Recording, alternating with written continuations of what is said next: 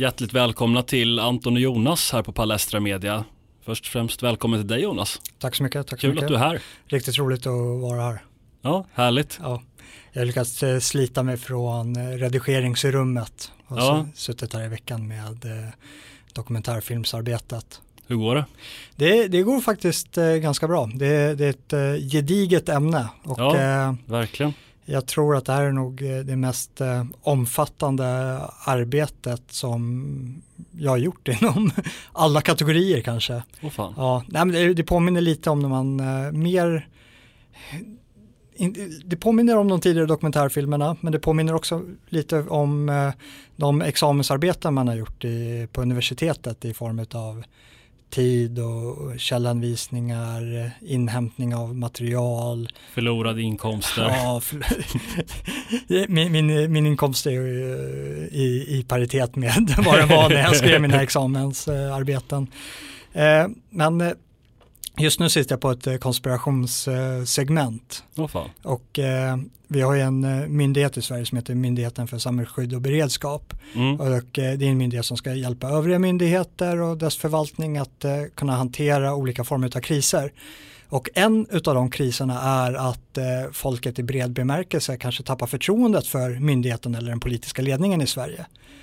Och det brukar oftast förkläs i form av fientlig informationspåverkan. Och det de gör är egentligen att försöka diskreditera oppositionen och mena på att de går utländska ärenden och då kanske främst eh, ryska ärenden. Och eh, nu eh, har de släppt en studie som behandlar eh, konspirationsteorier kopplat till covid, men det går bredare än så. Och eh, då menar de på att, eh, alltså det, det är helt oironiskt så har de tagit med en pyramidtabell. Jag, jag, jag kunde inte hålla mig från att inte skicka den till dig. Nej jag vet, jag såg den. Ja, du las, läste ja, du också. Ja, så-. Det är, det är inte värdigt. Det är Nej. inte värdigt en myndighet i alla fall. Eller det kanske är värdigt en myndighet beroende på hur man värderar. Ja. Eh, nu, nu, nu är inte studien här framför mig så jag får ju eh, tala lite från minnet men jag, kommer, jag, kommer, jag klippar, klistrar definitivt en länk in till den här studien i beskrivningen här under och så kanske jag lägger in den här pyramidtabellen också. Och eh, det sådana här myndigheter gör är ju att eh, de använder eh, legitima farhågor kring vissa skeenden och vissa aktörers agerande och eh, ett, ett exempel i den här pyramiden, det är en eh, pyramid som beskriver ungefär verklighetsflykten Mm. utav eh, konspirationsteoretiker och det är fyra staplar varav den sista stapeln är eh, gränsen för eh, eh, den antisemitiska gränsen för icke återvändo. Har man passerat den så kommer man alltid tillbaka och tydligen så är man antisemit också. Och eh, där eh, och stapeln under är förnekandet utav vetenskap. Och i den stapeln så tar den här studien ett exempel och det är då covid-19.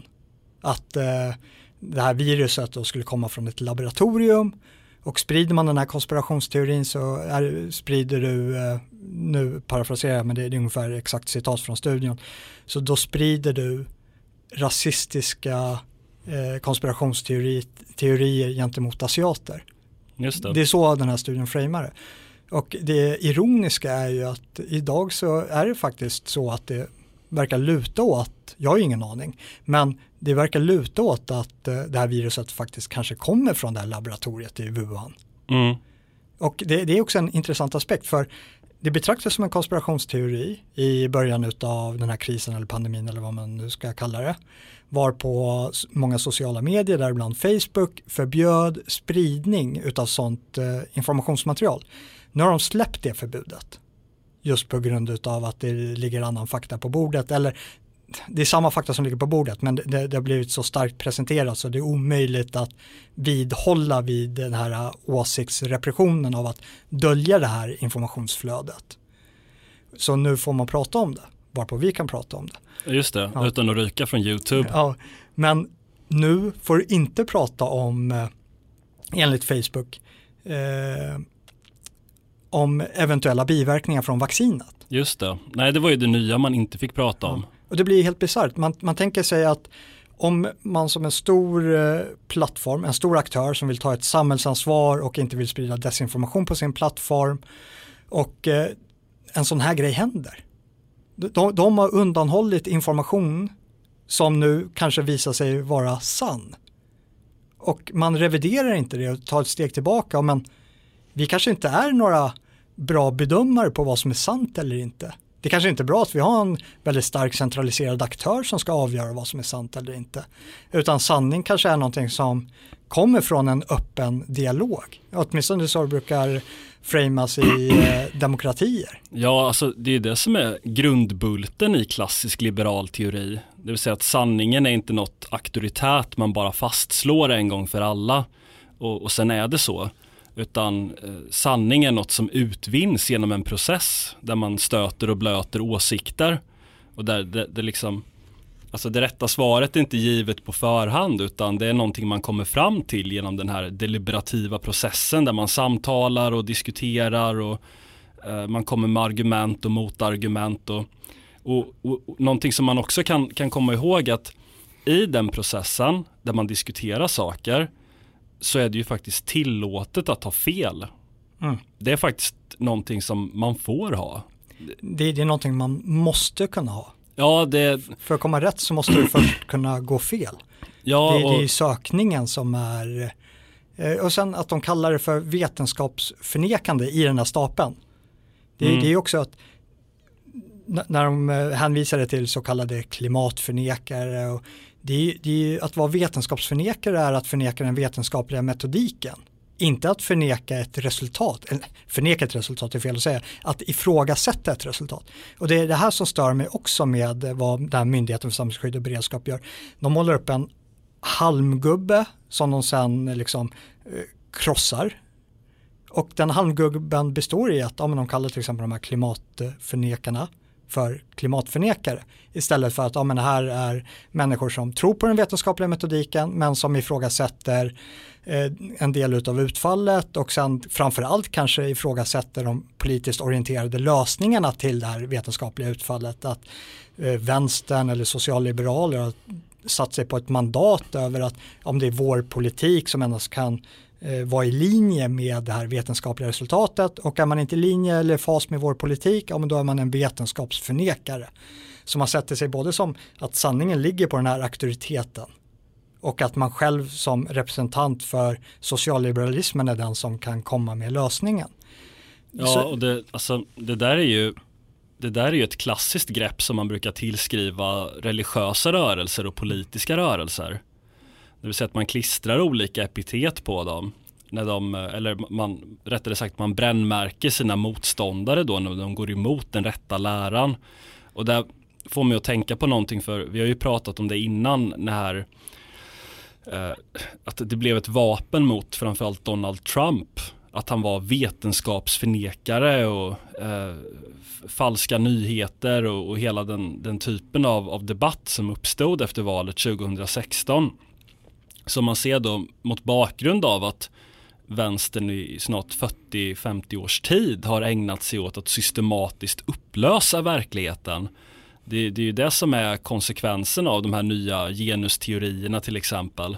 Eller jag menar, jag har suttit på otaliga seminarier och liksom fått massvis med artiklar där man just, eh, eller när jag läste de här metodkurserna då för, för flera år sedan när jag, när jag utbildade mig, där man hela tiden då ska kritiskt ifrågasätta den, veten, den naturvetenskapliga metoden för att den, är, den har en falsk objektivitet och en falsk, falska anspråk på neutralitet och eh, den premierar i själva verket den västerländska vita mannen samtidigt som den är, är, är, blind för underordningen för andra grupper och därför måste den kritiskt ifrågasättas. Och det är omöjligt med eh, ren logisk kunskap, då, alltså induktiv och deduktiv kunskap, utan det enda som, eh, som liksom gäller det är, det är det här förstahandsperspektivet, att jag som vit man kan aldrig någonsin eh, studera en, en, annan grupp till exempel eh, och se, uttala mig om dem, utan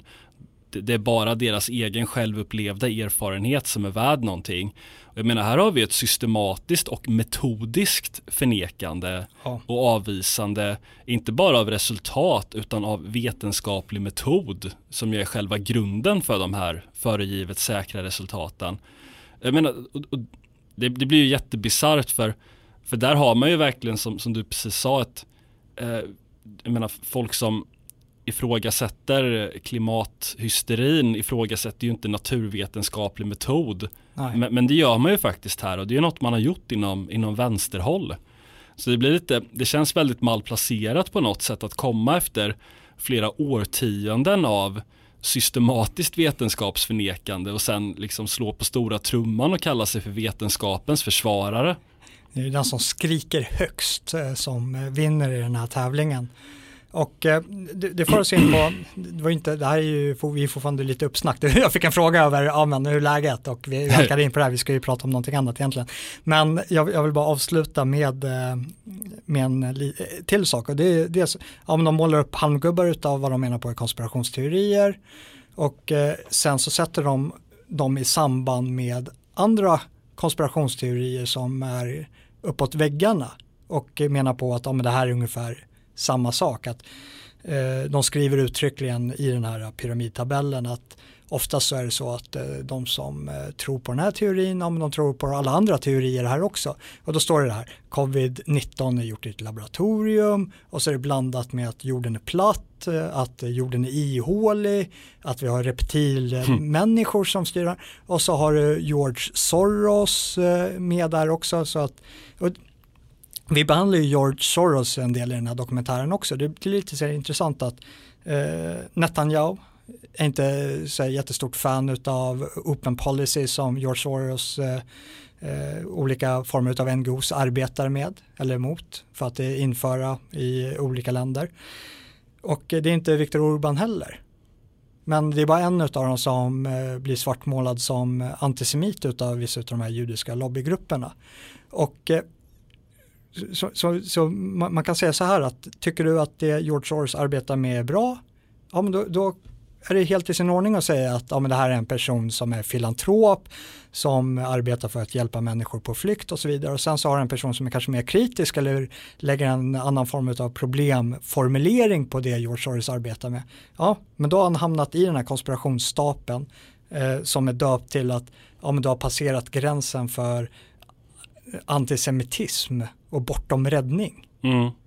Och eh, sen inte nog med det så klistras det ihop med eh, vad de menar på det skulle vara människor som tror på att eh, vi styrs av reptilmänniskor.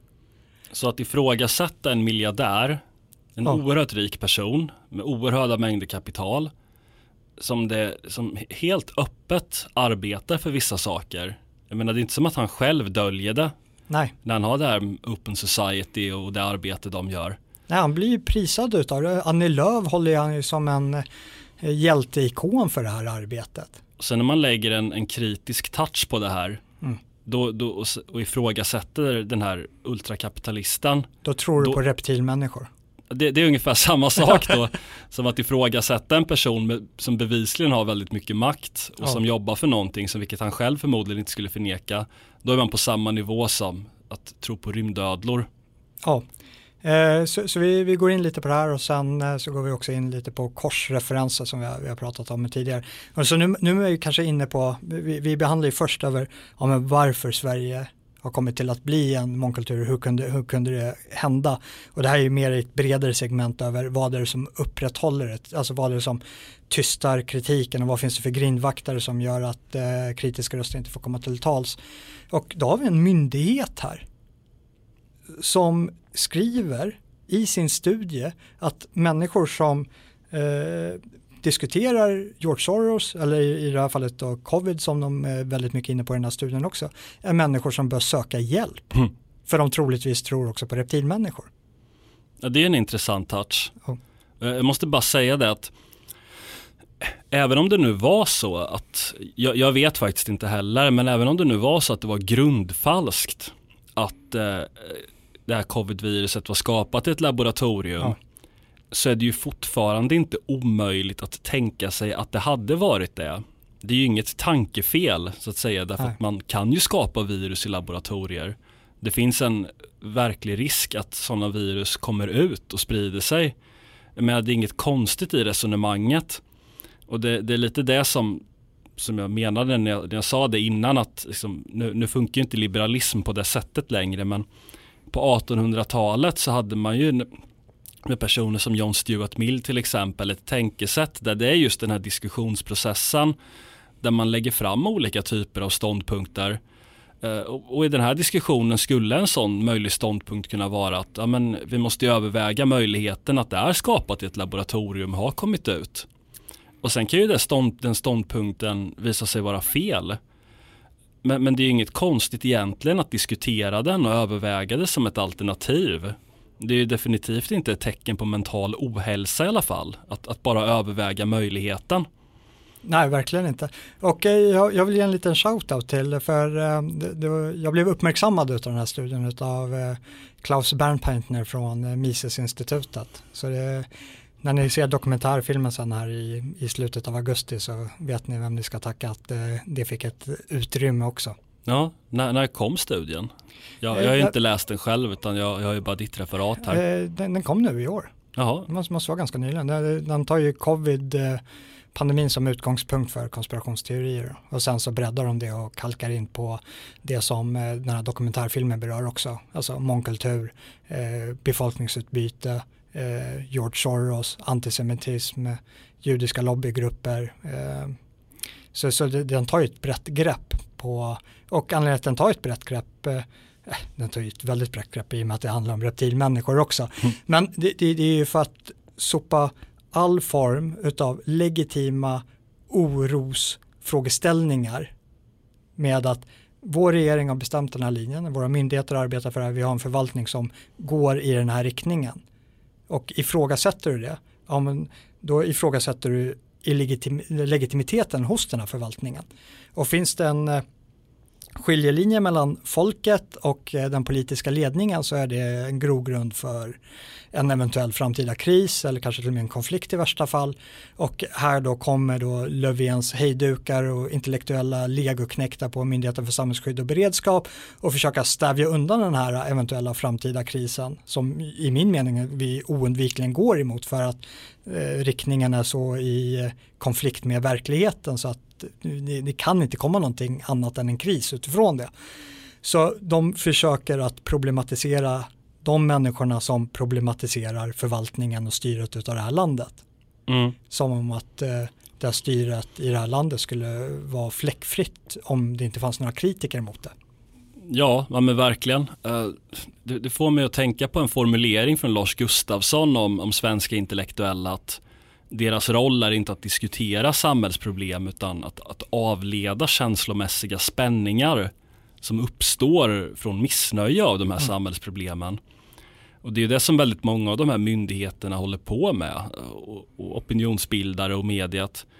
De avleder spänningar, de, de försöker dämpa ner missnöje genom olika typer av, av repressiva åtgärder. Eh, I det här fallet så, så handlar det om någonting som man kallar för framing. Mm. Eh, jag vet inte, på svenska tror jag man säger. Ja, narrativstyrning av något slag. Ja, jag tror inte det finns något bra uttryck på svenska riktigt. Men, men, men det handlar ju om att eh, allting kan ju vinklas egentligen mm. och, och det, det, är inte självklart att det bara finns ett sätt att se på saker utan saker kan ju betraktas från väldigt många olika perspektiv. Och, och det de håller på är att försöka etablera ett dominerande perspektiv där, eh, där allting som, som har att göra med kritik av politikerna, av staten, av media, av etablissemanget ska betraktas som om inte renodlad mental hälsa så åtminstone väldigt, väldigt oförsiktiga konspirationer och illvillighet för, för illviljans skull och att eh, det, det grundar sig i olika typer av störningar och, och sånt där i, hos människorna som har det. Och, och jag menar det här är ju jättebisarrt hade man, hade man liksom hade, jag, jag tror att om samma människor eh, hade gått tillbaka, säg hund, man behöver inte gå tillbaka länge historiskt, men säg att man gick tillbaka 100 år eller 200 år och, och tittade på eh, konflikten i ett annat land där eh, samhällskritiker, eh, rätt eller fel, blev eh, hårt åtgångna av, av den sittande ledningen av en kung eller ett auktoritärt parti eller någonting. de hade ju aldrig gått med på kungens beskrivning av, av upprorsmakarna liksom utan de hade ju direkt bara, ja men det, det, är klart att den här monarken beskriver de här människorna på det här sättet, de hotar ju hans makt. Och lite samma sak är det ju här att eh, de, de, de, de, de försvarar ett maktinnehav helt enkelt och då, då blir det väldigt naturligt för dem att man försöker etablera de här perspektiven för att immunisera från kritik. Och där finns det också ett stort individuellt egenintresse för det är ju en stor mångfaldsindustri där det är väldigt många som berikas av det här. Absolut. Alltså som bär sin inkomst. Och eh, mer, mer därtill, speciellt när det kommer till de här lite större företagen också. Eh, men det du var inne på är ju lite det här eh, att och jag, jag pratade med, med, med, professor Arnsberg och docent eh, Tullberg i, i den här dokumentären också. Det, det, berör lite det du är inne på. Och det är de här uppenbara lögnerna i princip. Att eh, vi vet att de ljuger. De vet att de ljuger. Och ändå så ljuger de. Och eh, det, det, det, är en formulering som, eh, jag, jag, vet inte vem som är upphovsmannen till men det, det är i alla fall från väldigt eh, auktoritära styren från Sovjetunionen. Och det här är en frågeställning som man inte riktigt vet vart man hamnar. Hur det kommer sig att många, det är en resa att vakna upp till att man har blivit förledd och det, mm. det, är så jag ser på hela situationen. Det svenska folket har blivit förledd i en bred bemärkelse.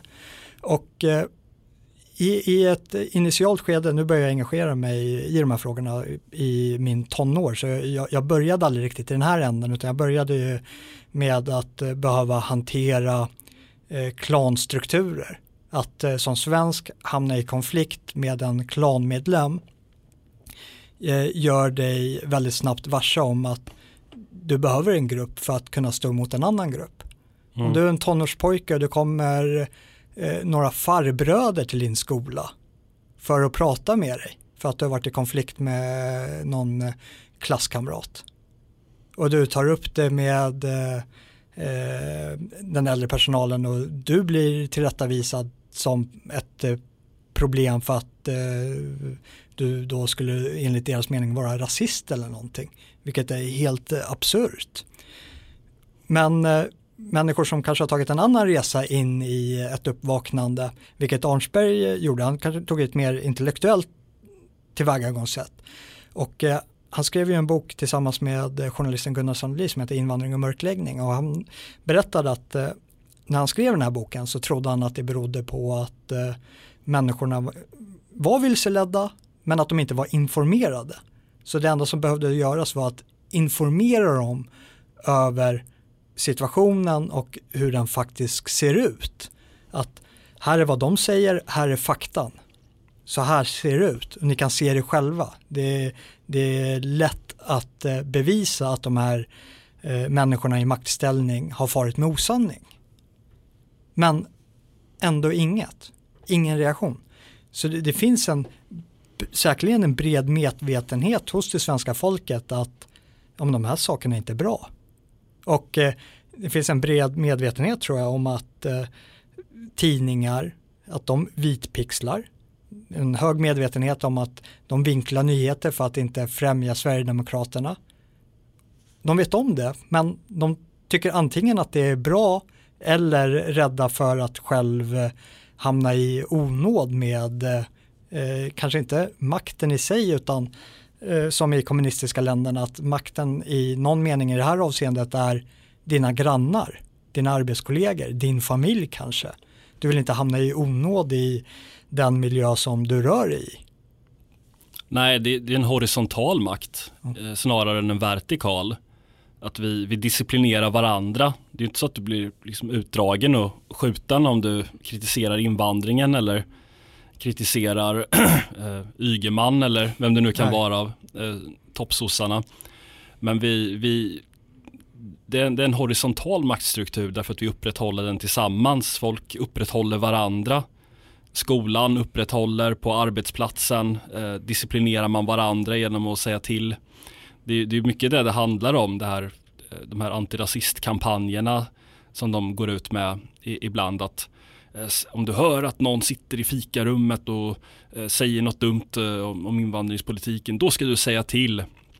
Vilket ju är jättekonstigt egentligen för om man skulle ha ett mer Foucaultianskt eh, maktbegrepp då skulle man inte titta så mycket på eh, på, hierarki, på det liksom hierarkiska det här att ja, men här har vi de styrande och de har sina, sin maktapparat och de, de, Eh, de styr oss och upprätthåller vad vi får tycka och säga och sånt där utan det är ju mer det här liksom makten som någonting vi upprätthåller tillsammans att eh, det är inte så här chefen utan din, det är din kollega som, som disciplinerar dig.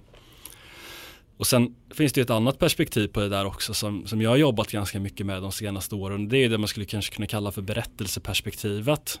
Det vill säga att eh, det, det, är inte bara så att människor är liksom genomlogiska varelser som går runt och liksom att, att hjärnan är som en dator som bearbetar information på ett helt och hållet logiskt sammanhängande sätt. Och, eh, det, ibland kan jag tänka mig att vissa särskilt akademiker av, av vissa slag tycker det att ja, men nu, den här personen, han, i hans dator är det dålig information. Då för jag in bättre information och rebootar oh. och då så kommer han ändra inställning.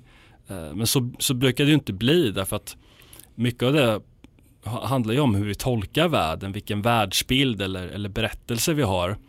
Och mycket av det här med, med invandringspolitiken och sånt där, det, det är ju så tätt sammantvinnat med så mycket annat. Det handlar ju om liksom grundläggande föreställningar om moral och värderingar, hur våra institutioner fungerar, och man kan lita på politikerna och media.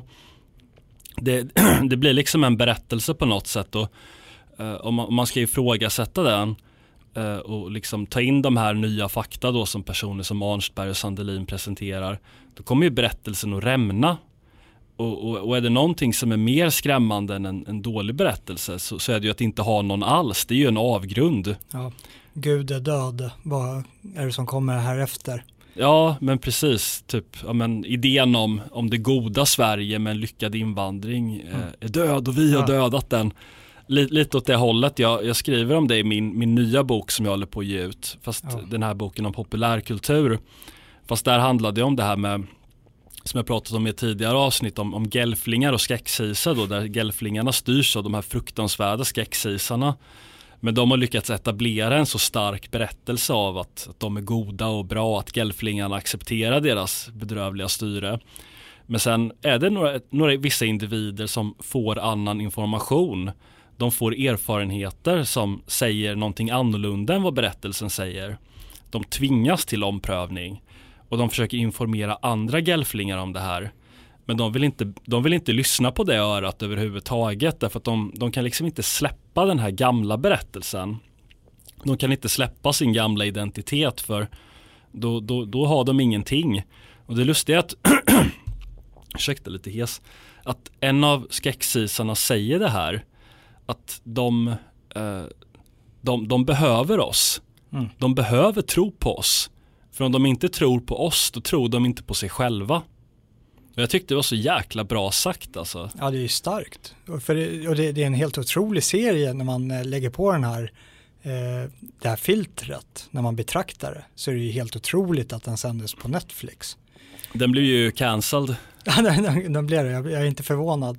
Eh, men det är ju det att när, när du inser att du lever i en förljugen berättelse och du måste revidera den. Det, det, är inte bara berättelsen som eh, måste förändras utan allt du har varit och trott dig vara har visat sig vara falskt. Det, det är en, eh, en själsresa utan dess like för många. Och eh, där så ligger det väl också ett av svaren i, till varför så många människor verkligen håller fast vid den här berättelsen och bara stänger av och vägrar lyssna på de eh, kontradiktioner som presenteras och motsägningar och rena falskheter. Mm. Men, men tänk lite så här, eh, ett, alltså det, här är ju, det här är ett sätt att se på saker som man kan ta både i det stora och det lilla. Men tänk så här att du är en person, du har varit gift med någon i tio år eh, en dag så, så får du väldigt klara indikationer på att din partner är otrogen. och, och har kanske varit det under ett tag. Det logiska skulle ju vara att avbryta förbindelsen. Mm. Ja, men lyssna på dina sinnen, lyssna på din magkänsla. Du vet att det här händer, du vet att det här är fel. Eh, men, men de flesta skulle nog inte göra det rakt av. Därför att de, det skulle skrämma på något sätt att vem är jag utanför den här relationen? Vad, att bot, bortom det här äktenskapet, även om det är byggt på en lögn och håller på att fallera, så bortom det så finns bara en avgrund. Men samtidigt om man tar sig igenom den där avgrunden och, och liksom bygger upp en ny identitet som bygger på helt andra saker, eh, då, då kommer det ju inte vara något problem, för då har man ju någonting annat. Ja, det är ens kättingar som är, står helt olåsta. Ja, men man sitter kvar i det som en träl. Och det, det, är, det är ett psykologiskt fenomen. Nu, nu kan jag inte hänvisa till, eh, till eh, studien, men, eh, för det sker ju lite på volley. Men så här, fångar som frisläpps, som har svårt att lämna sin cell. Mm. Det är den trygga miljön som man känner till. Hellre, hellre den ondska man vet om än eh, det, det okända. Precis, det var faktiskt en kille som kom fram till mig när vi hade en konferens eh, för några år sedan och sa eh, typ något i stil med, för vi, vi, pratade, vi diskuterade lite det här med att det är ju så att, eller ofta blir det ju så här har jag märkt att när människor liksom upptäcker hur saker är, att det inte är bra, att de kanske trott på någonting som inte varit sant och sådär så blir reaktionen lite panikartad bland vissa. Det här du vet, åh allt är kött, vi måste flytta till Thailand och ja. Sverige har fallit och sådär. Att man, man skulle kunna kalla det en interimberättelse, sa den här personen. Att eh, i brist, den, den, gamla berättelsen har fallit, eh, en ny eh, konstruktiv uppbygglig berättelse har inte infunnit sig och, och, man är liksom något sorts mellanting som är lite mer liksom kaosartat och Eh, inte så uppbyggligt eftersom det liksom vädjar till de liksom lägsta känslorna, känslor av förtvivlan, av rädsla, av desperation och sånt där. Jag menar sådana känslor ska ju inte vara grundbulten i en, i en världsåskådning liksom. Utan det ska ju bygga på styrka och tillförsikt och, och harmoni och trygghet och liksom bra, bra saker som är uppbyggliga för människor. Ja. Eh, ska vi gå in på poddens ämne. Hade vi ett ämne? Ja, jag, jag, jag, tror det. Vi ska väl bolla, bolla den här boken lite. Just det. Uh, Eller ska vi, ska vi ta bordlä bordläggare? Alltså, det finns faktiskt, jag, jag håller ju på, jag vet inte om du har börjat läsa den, men uh, Kajsa Ekis Ekmans bok om könets ja. existens. Jag har läst ungefär 130 sidor, eller nu har jag den på Kindle i och för sig så jag vet inte, men på Kindle har jag läst 130 sidor av 380. Mm. Jag måste säga att det är en väldigt intressant bok faktiskt. Eh, inte, kanske inte för att Ekis Ekman är något, något geni i sig, även om jag tycker att hon är en väldigt duktig skribent. Men jag tycker det visar hur den här, vad ska man säga, det här verklig det man kanske skulle kunna kalla verklighetsförnekandet inom feminismen ja. I princip har fört feminismen till sin avgrund. Att de har det, det var också intressant med den här pyramidtabellerna för feminism var inte med i, i den här det. verklighetsförnekelsetrappan. Alltså man skulle kunna säga så här att genom att förneka biologiskt kön som, någon, som en realitet och enbart fokusera på olika typer av beteenden och liksom sånt Självidentifikationer. Och... Ja, men, men sånt som tillhör den, den sociala snarare än biologiska verkligheten så har man sågat av grenen man sitter på totalt. Vilket, och Ekis Ekman gör faktiskt väldigt intressanta poänger där att eh, som en gång i tiden så var det ju en, liksom, något man kämpade för inom feminismen att Eh, kvinnlighet skulle ju inte se, det skulle inte betraktas som ett visst beteende. Det vi skulle kalla ett feminint beteende att för att vara en kvinna så liksom måste man inte vara, man måste liksom inte gå klädd i klänning och drömma om att ta hand om barn och, och liksom allt sånt där som, som kan associera, eller vara sårbar och lite känslig och ja, med saker som kan associeras med kvinnlighet på ett lite stereotypt sätt. Att sånt, sådana beteenden skulle inte definiera kvinnlighet utan Eh, en kvinna var någon med en kvinnokropp och sen kunde hon bete sig hur hon ville utan att behöva dömas på det sättet.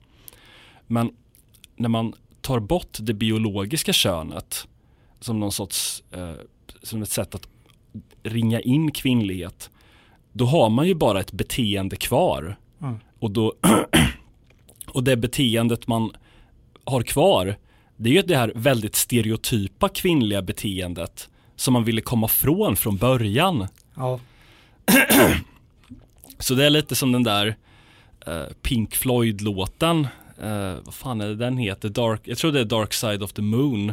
Det, det är, no, det är någon grej där att uh, huvudkaraktären Fan, jag, jag, tror att de, de, antingen var det en musikvideo eller en film, jag minns inte riktigt men det är ett, ett konceptalbum och det handlar om en person som liksom, han, han går in någonstans och sen måste han kämpa för att komma ut. Ja. Och sen kommer han ut och då upptäcker han att han står vid ingången. Ja. Och så säger han någonting i stil med att var det inte här jag kom in? Ja. Och lite så har det ju blivit för feminismen när man tagit sig an de här postmoderna perspektiv eller så, kanske snarare socialkonstruktivistiska perspektiven. Att genom att förneka det biologiska könet då har man liksom hamnat i en situation där, man en, där det enda man har kvar är ett stereotypt kvinnligt beteende. Men det, det, det är problemet med ideologier som ska ta sig fram någonstans. Mm. Att, jag, jag är ju uppfattningen att resan är målet. Alltså vi, vi ska främja livet, vi ska främja vår grupps intressen och vi ska må bra och andra grupper får gärna må bra också. Men det ska ske i samförstånd med oss och inte på vår bekostnad. Och framförallt inte på vårt välmående eller vår säkerhet som eh, är fallet nu med mångkulturen. Men har man uppfattningen att man ska ta sig fram någonstans, det är ju att du aldrig kommer komma fram. För det, vi, har, det, det blir eh, den här revolutionen som aldrig tar slut. För resan fortsätter ju, det, blir som en stafettpinne där eh, de som tar vid måste fortsätta revolutionen. Mm. Och då blir det så här, men vi kommer aldrig komma i mål. För dels så är ju deras målsättning fullständigt utopisk, alltså den är, inte, den är inte uppnåbar på det sättet, den är inte realistisk. Och så fortsätter man och bara blir bli, bli någon form av cirkel, eh, att man jagar sin svans på något sätt. Mm. Förstår du hur jag tänker? Ja, ja men precis. Nej, det finns exakt permanent revolution. Det, och det, det kommer, jag kommer faktiskt, jag är ju ingen fan av Alexander Dugin. Jag tycker ja. han är fruktansvärd att, att läsa. Det är ju sved och intellektuellt pekoral, så det, om jag någonsin läst ett sånt. Men när jag läste en av hans böcker för flera år sedan så var det faktiskt en del som jag tyckte var riktigt intressant och välskriven. Och det var när han pratade om något han kallar för monotoniska processer som en sorts kritik av framstegstanken. Och det är att det finns ingenting som bara kan fortsätta att utvecklas och utvecklas och utvecklas och bara bli bättre hela tiden. Att eh, typ, ja men, kroppen, celler, livets beståndsdelar liksom. Att det utvecklas inte hela tiden till att bli bättre. Att efter en viss punkt av utveckling eh, så börjar det liksom mutera istället. Och det är liksom upphov till konstiga saker. Att det borde liksom stannat vid någon punkt och inte fortsatt längre. Att det finns ingenting som bara kan fortsätta i all oändlighet att bli bättre. Och lite så är det ju med politiska ideologier också, att när de hamnar i det här stadiet av permanent revolution, där man hela tiden ska gå framåt, att man, man kanske har skördat sina lagrar, man kanske har pikat och liksom uppnått det som var rörelsens grundmålsättningar vid, no vid något tillfälle, typ om man ska ta feminism då, att eh, lika rättigheter och skyldigheter för, för män och kvinnor till exempel på arbetsmarknaden, juridiskt och, och så vidare. Det kanske var den rörelsens mål.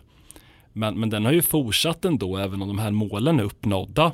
Det, det blir den här, ja, men, jakten på kvinnlig frigörelse eller att eh, hamna i en situation där man eh, är under samma moralisk standard som män är, vilket de definitivt inte är idag, eh, vare sig juridiskt eller socialt.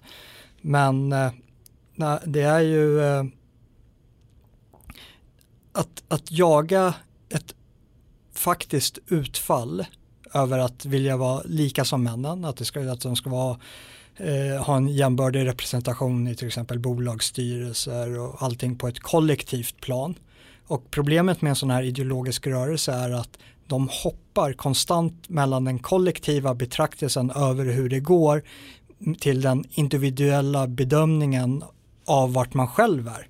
Alltså fall du som kvinna inte förmår dig att skaffa eh, det jobbet som du vill ha på grund av konkurrens med andra och då män i det här exemplet så kommer du ju tillskriva det till patriarkatet. Eller om du är svart och delaktig i den här BLM-rörelsen och inte kan ta dig fram. Ja men det kommer aldrig, tanken kommer inte slå dig att om det kanske beror på dig själv. Utan det kommer att tillskrivas på, på de andra. Oavsett om eh, den kollektiva representationen redan har införts. I Sydafrika i så fallet. Mm. Där har ju den här BLM-rörelsen, man kan kalla det för BLM-rörelsen även fast det, det myntades i, i, i, USA. De har ju börjat med politiska åtgärder för att skapa, först vad de sa efter fallet av apartheid för att skapa en eh, rättvis representation av svarta i styrande ställning, i kommunal sektor, i, i statlig sektor.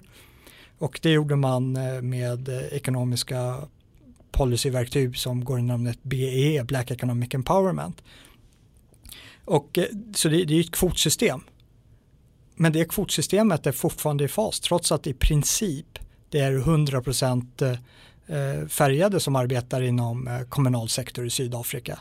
Så använder man fortfarande det för att premiera in svarta. Och sen så stänger man ut den vita befolkningen i, i, i det privata näringslivet med samma policies. Och är det en svart då som inte ta sig fram. Ja, det, han beskyller ju fortfarande mm. de gamla herrarna under eh, apartheidtiden för att han inte tar sig fram. Trots att de redan har en överrepresentation gentemot befolkningen i sin helhet på arbetsplatsen så beskyller de den nutida fattigdomen och arbetslösheten på den tidigare vitas maktställning. Alltså en sak som är lite kul med Sydafrika det är att, nu tycker jag inte att just det är kul men vita är ju minoritet där, mm. svarta är majoritet. Och enligt gängse sätt att se på rasism och förtryck i västländer eh, så kan ju inte en minoritet eller en minoritet kan inte utsätta en majoritet för rasism. Det är därför som färgade människor i eh, europeiska länder aldrig kan vara rasister enligt till exempel den här teskedsådan som nyligen gick i konkurs. De hade ju någon representant, jag, jag kommer inte ihåg vad hon het, eh, hette hon, Fagerlin eller någon, mm. Lovisa Fagerlin eller någonting. Som menade det att eh, färgade människor, även ifall ett, ett gäng eh, svarta till exempel, för att ta ett exempel, skulle eh, slå, slå ner en vit person av rasistiskt motiverade skäl så kan de ändå inte vara rasister för att de är minoritet i landet. Och då borde ju inte svarta kunna utsättas för någon rasism i Sydafrika eftersom de är i majoritet.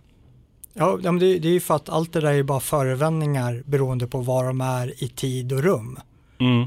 Och eh, så kommer ju diskursen ändras även i Sverige när svenskar blir en minoritet i det här landet.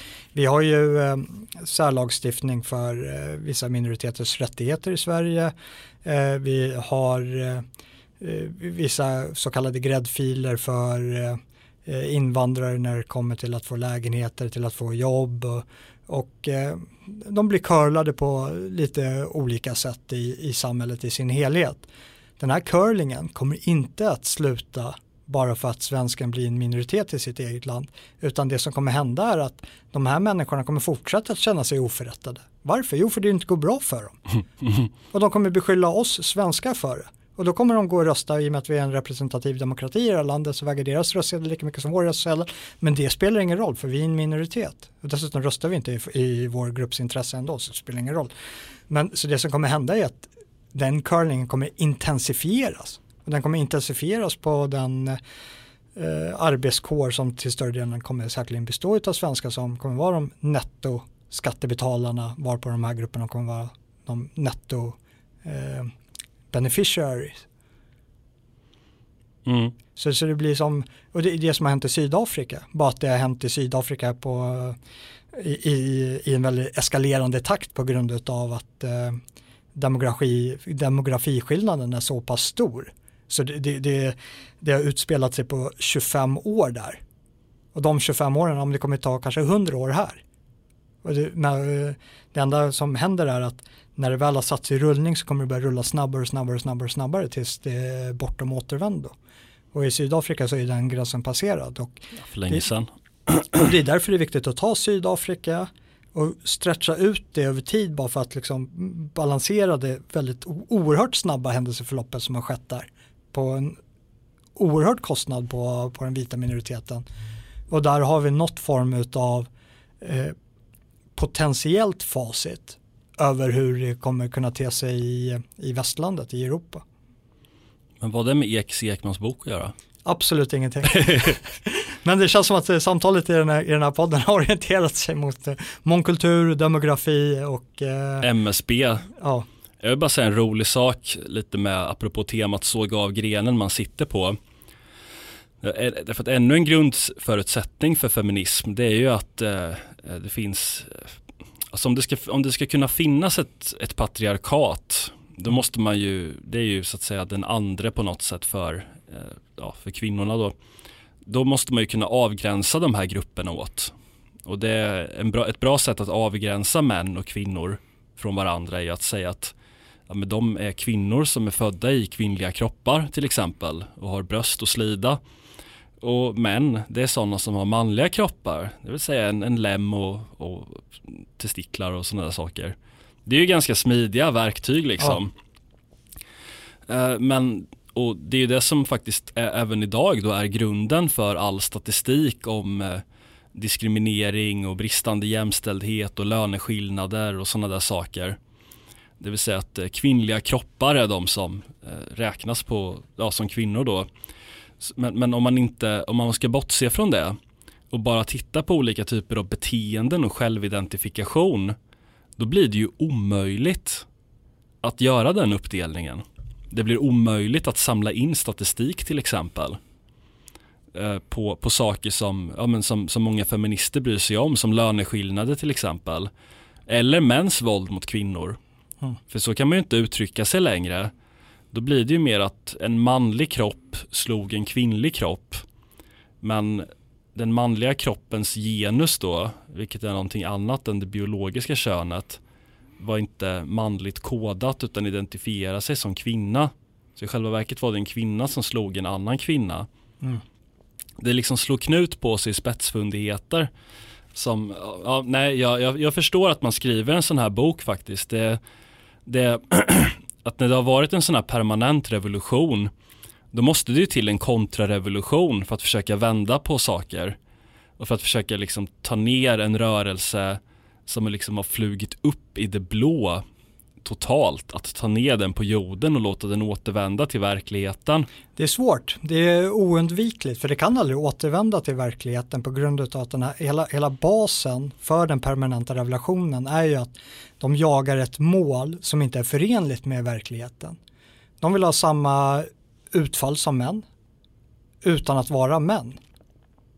De, de vill ha samma rättigheter och skyldigheter som män men vill samtidigt eh, försvaras mot män. Det, det, det, redan i deras grundpremisser så finns det motsägningar som gör att du kan inte vara jämlik med en person som du behöver hjälp att försvara dig emot. De säger att de vill vara jämlika med män vilket eh, jag tycker att de ska ha i juridisk mening. Eh, men de behöver män för att försvara sig mot den här mannen. Eller staten i den här meningen menar de då, fast det blir ju per, per män, per proxy. Mm. Och därför så hamnar man i, i, ett, i en stadie av konstant revolution.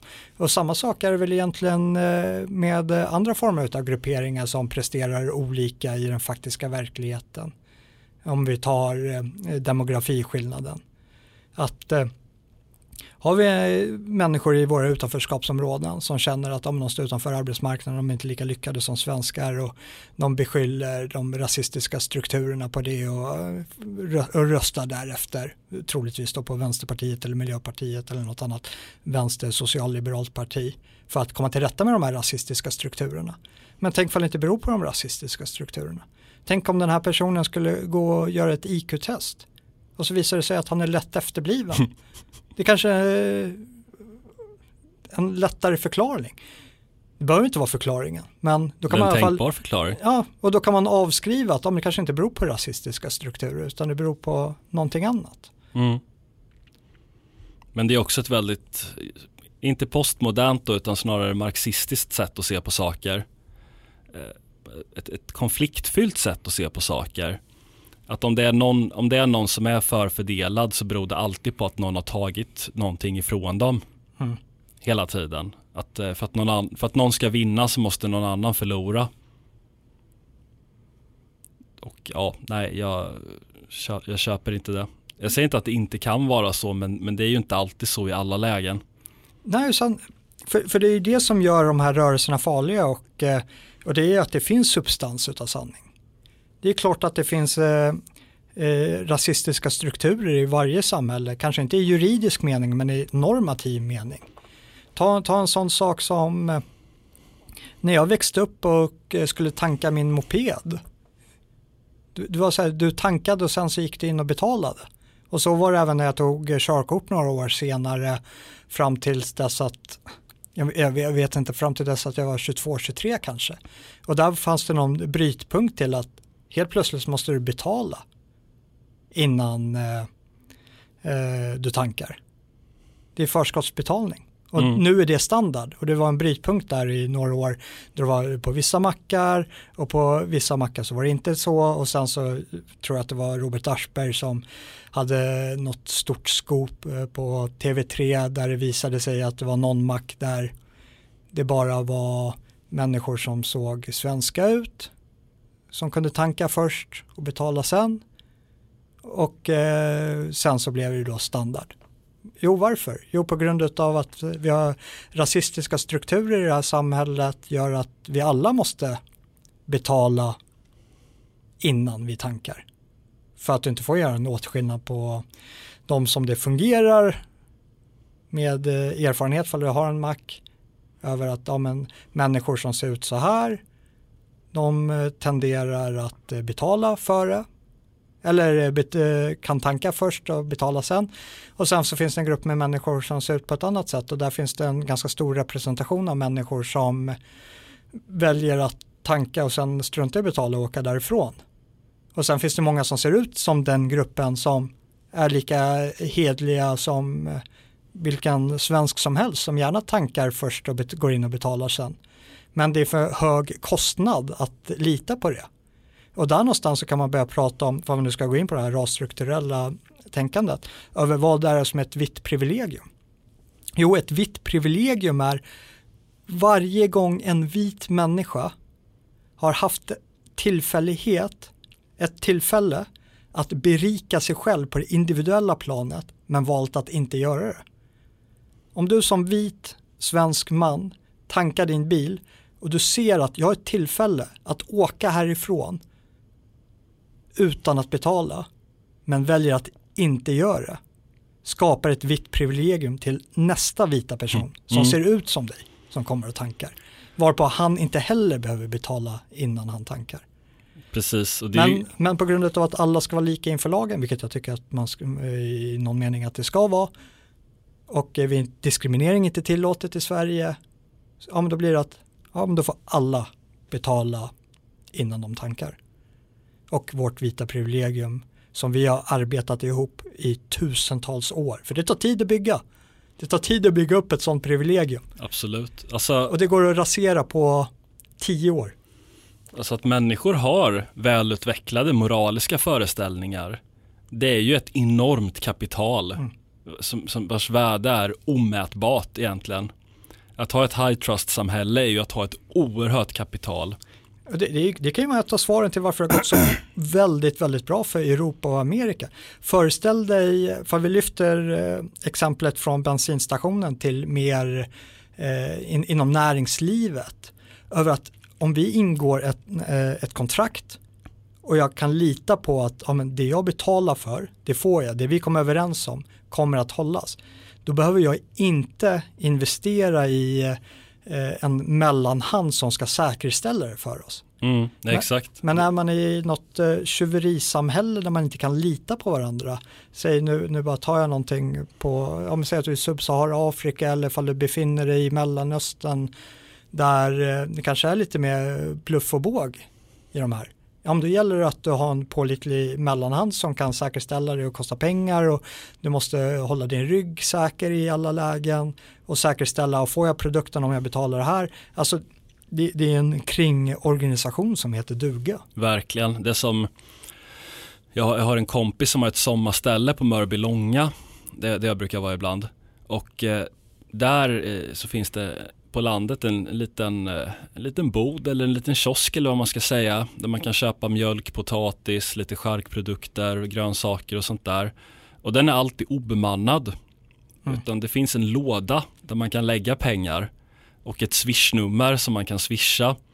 Och de som har det här stället de kommer bara dit någon gång ibland för att sätta ut varor och städa och sånt där. Och det var i Hjulsta sa du? Nej, i, i Tensta, ja. Rinkeby. Nej men det, ni, ni, förstår själva vilket, eh, alltså om man bara skulle titta, om man bara tittar på det ur ett företagsekonomiskt perspektiv, hur otroligt billigt det är när man kan lita på människor. Att du kan bara ha din butik där, du behöver inte ens vara där själv. Ja. Folk, folk betalar för det de har tagit och jämför med hur, liksom, jag menar, hur butiker är i Stockholm där dels måste din ordinarie personal vara på sin vakt hela tiden, du måste ha kameror, vissa dagar i veckan så kanske du har butikskontrollanter som går runt civilt för att liksom kolla så ingen snor och när du, när, du har stäng, när du stänger butiken så ska du ha en väktare där sista timmen eller halvtimmen för att eh, se till att det, att det går smidigt. Det, ju mindre du kan lita på människor desto mer kostnader byggs på för verksamheterna. Ja. Desto dyrare blir allting. Ja, verkligen. Man, man kommer ifrån det, det, det man faktiskt arbetar med. För du måste börja fokusera på helt andra saker. Ja, man jobbar i butik och måste stå och kolla kameror liksom för att man måste ha ut eh, snattare. Eller man kan inte ha vissa varor framme utan de måste vara inlåsta och någon i personalen måste gå och ta ut dem och bära dem till kassan. Det, ja, jag tror att alla som jobbat inom sådana här branscher för liksom bara, bara av egen erfarenhet kan förstå vilka kostnader det innebär. Vad, vad hade Kajsa Ekis Ekman för tagning på det här i boken? ingenting faktiskt. jag, jag, har inte kommit så långt. Nej. Jag, jag hoppas att eh, hon ska ta upp det. Ja. Jag försöker bara brygga, brygga, brygga tillbaka till ämnet. Nej, det är för sent. Ja, det, det, det, tåget har åkt. Ja. Men, men jag, jag, kan säga så här att jag, jag läser fortfarande boken med stort intresse. Ja. Jag, jag måste nästan le mjugg lite åt den, den, debatt som har varit kring den här boken. Eh, för det, det har ju varit väldigt mycket att hon är elak, hon, hon mm. säger att män som säger att de är kvinnor inte är riktiga kvinnor och, och sånt där. Det, alltså med tanke på att det ändå är en, en, faktiskt en väldigt välskriven, välundersökt bok så har den verkligen fått ett, ett, ett mottagande som varit undermåligt och som i mm. princip bara har handlat om, om känslor. Att du, du är elak för du du, du säger elaka saker. Det, det är faktiskt, eh, nu bryggar jag tillbaka till mångkulturfilmen. Eh, Tullberg var inne lite på det också som anledning till eh, varför vi är en mångkultur. Och det är för att svenskan tycker att det är ogint att säga nej. Mm. Om det är någon som behöver hjälp, var, varför ska vi inte hjälpa? Och så ska man vara den som bara, nej, nej du ska inte få någon hjälp. Nej, vi ska inte hjälpa dig. Och det blir så här, ja men vi kanske är ett sekulariserat land men det finns en kristen bas i det här landet.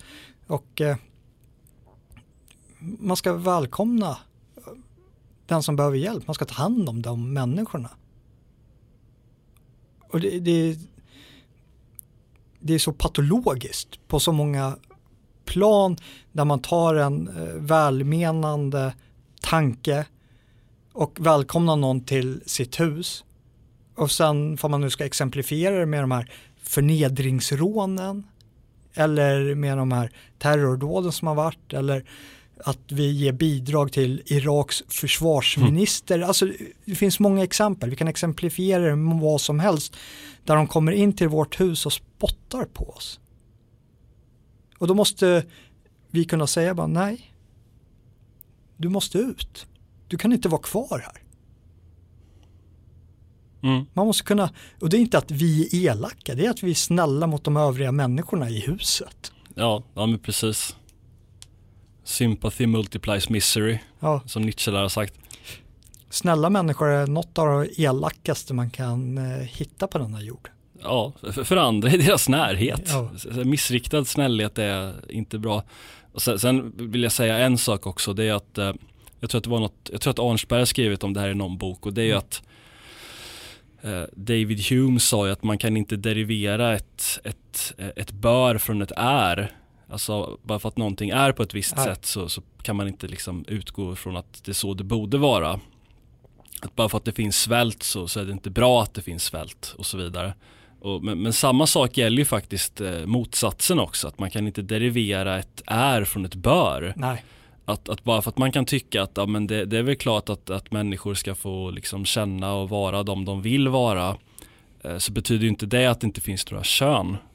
Nej. Eller att bara för att man tycker att det ska vara på ett visst sätt så, så liksom ska man absolut inte få, få komma med invändningar. Att om någon går runt på och tror att han är Napoleon, ska inte jag få invända mot det då?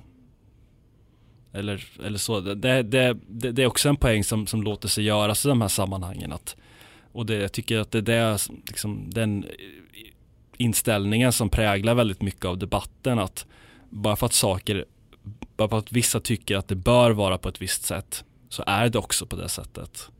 Men, ja. men, men så är det ju inte. Ja, kanske avsluta med där vi började med vetenskapsförnekelse. Ja, ja men verkligen vetenskapsförnekelse. Ja, för vi har ju vetenskapen i någon mening av att kunna få mätbara resultat över vad som är verkligt eller inte. Mm. Och eh, hamnar det bara på den egna subjektiva uppfattningen kring något, att det ska vara, tas som en faktisk verklighet, ja, men då är du inne på ett veten, vetenskapligt, eh, vetens, vetenskap, veten. jag har pratat för mycket idag. Ja. Då är du inne och förnekar vetenskapen. Precis, ja. på, på ett metodiskt plan. Ja. Ska, ska, vi fortsätta med boken nästa, nästa avsnitt? Då? Det får bli en följetong. Ja. Jag läste hundra sidor till. Ja, och eh, ja, om Kajsa Ekes Ekman lyssnar och känner att hon blev eh, att hon blev orättvist eh, porträtterad av Antona så är hon såklart välkommen att komma och gästa oss. Absolut, du är alltid välkommen Kajsa. Tack för oss, Tack. vi hörs.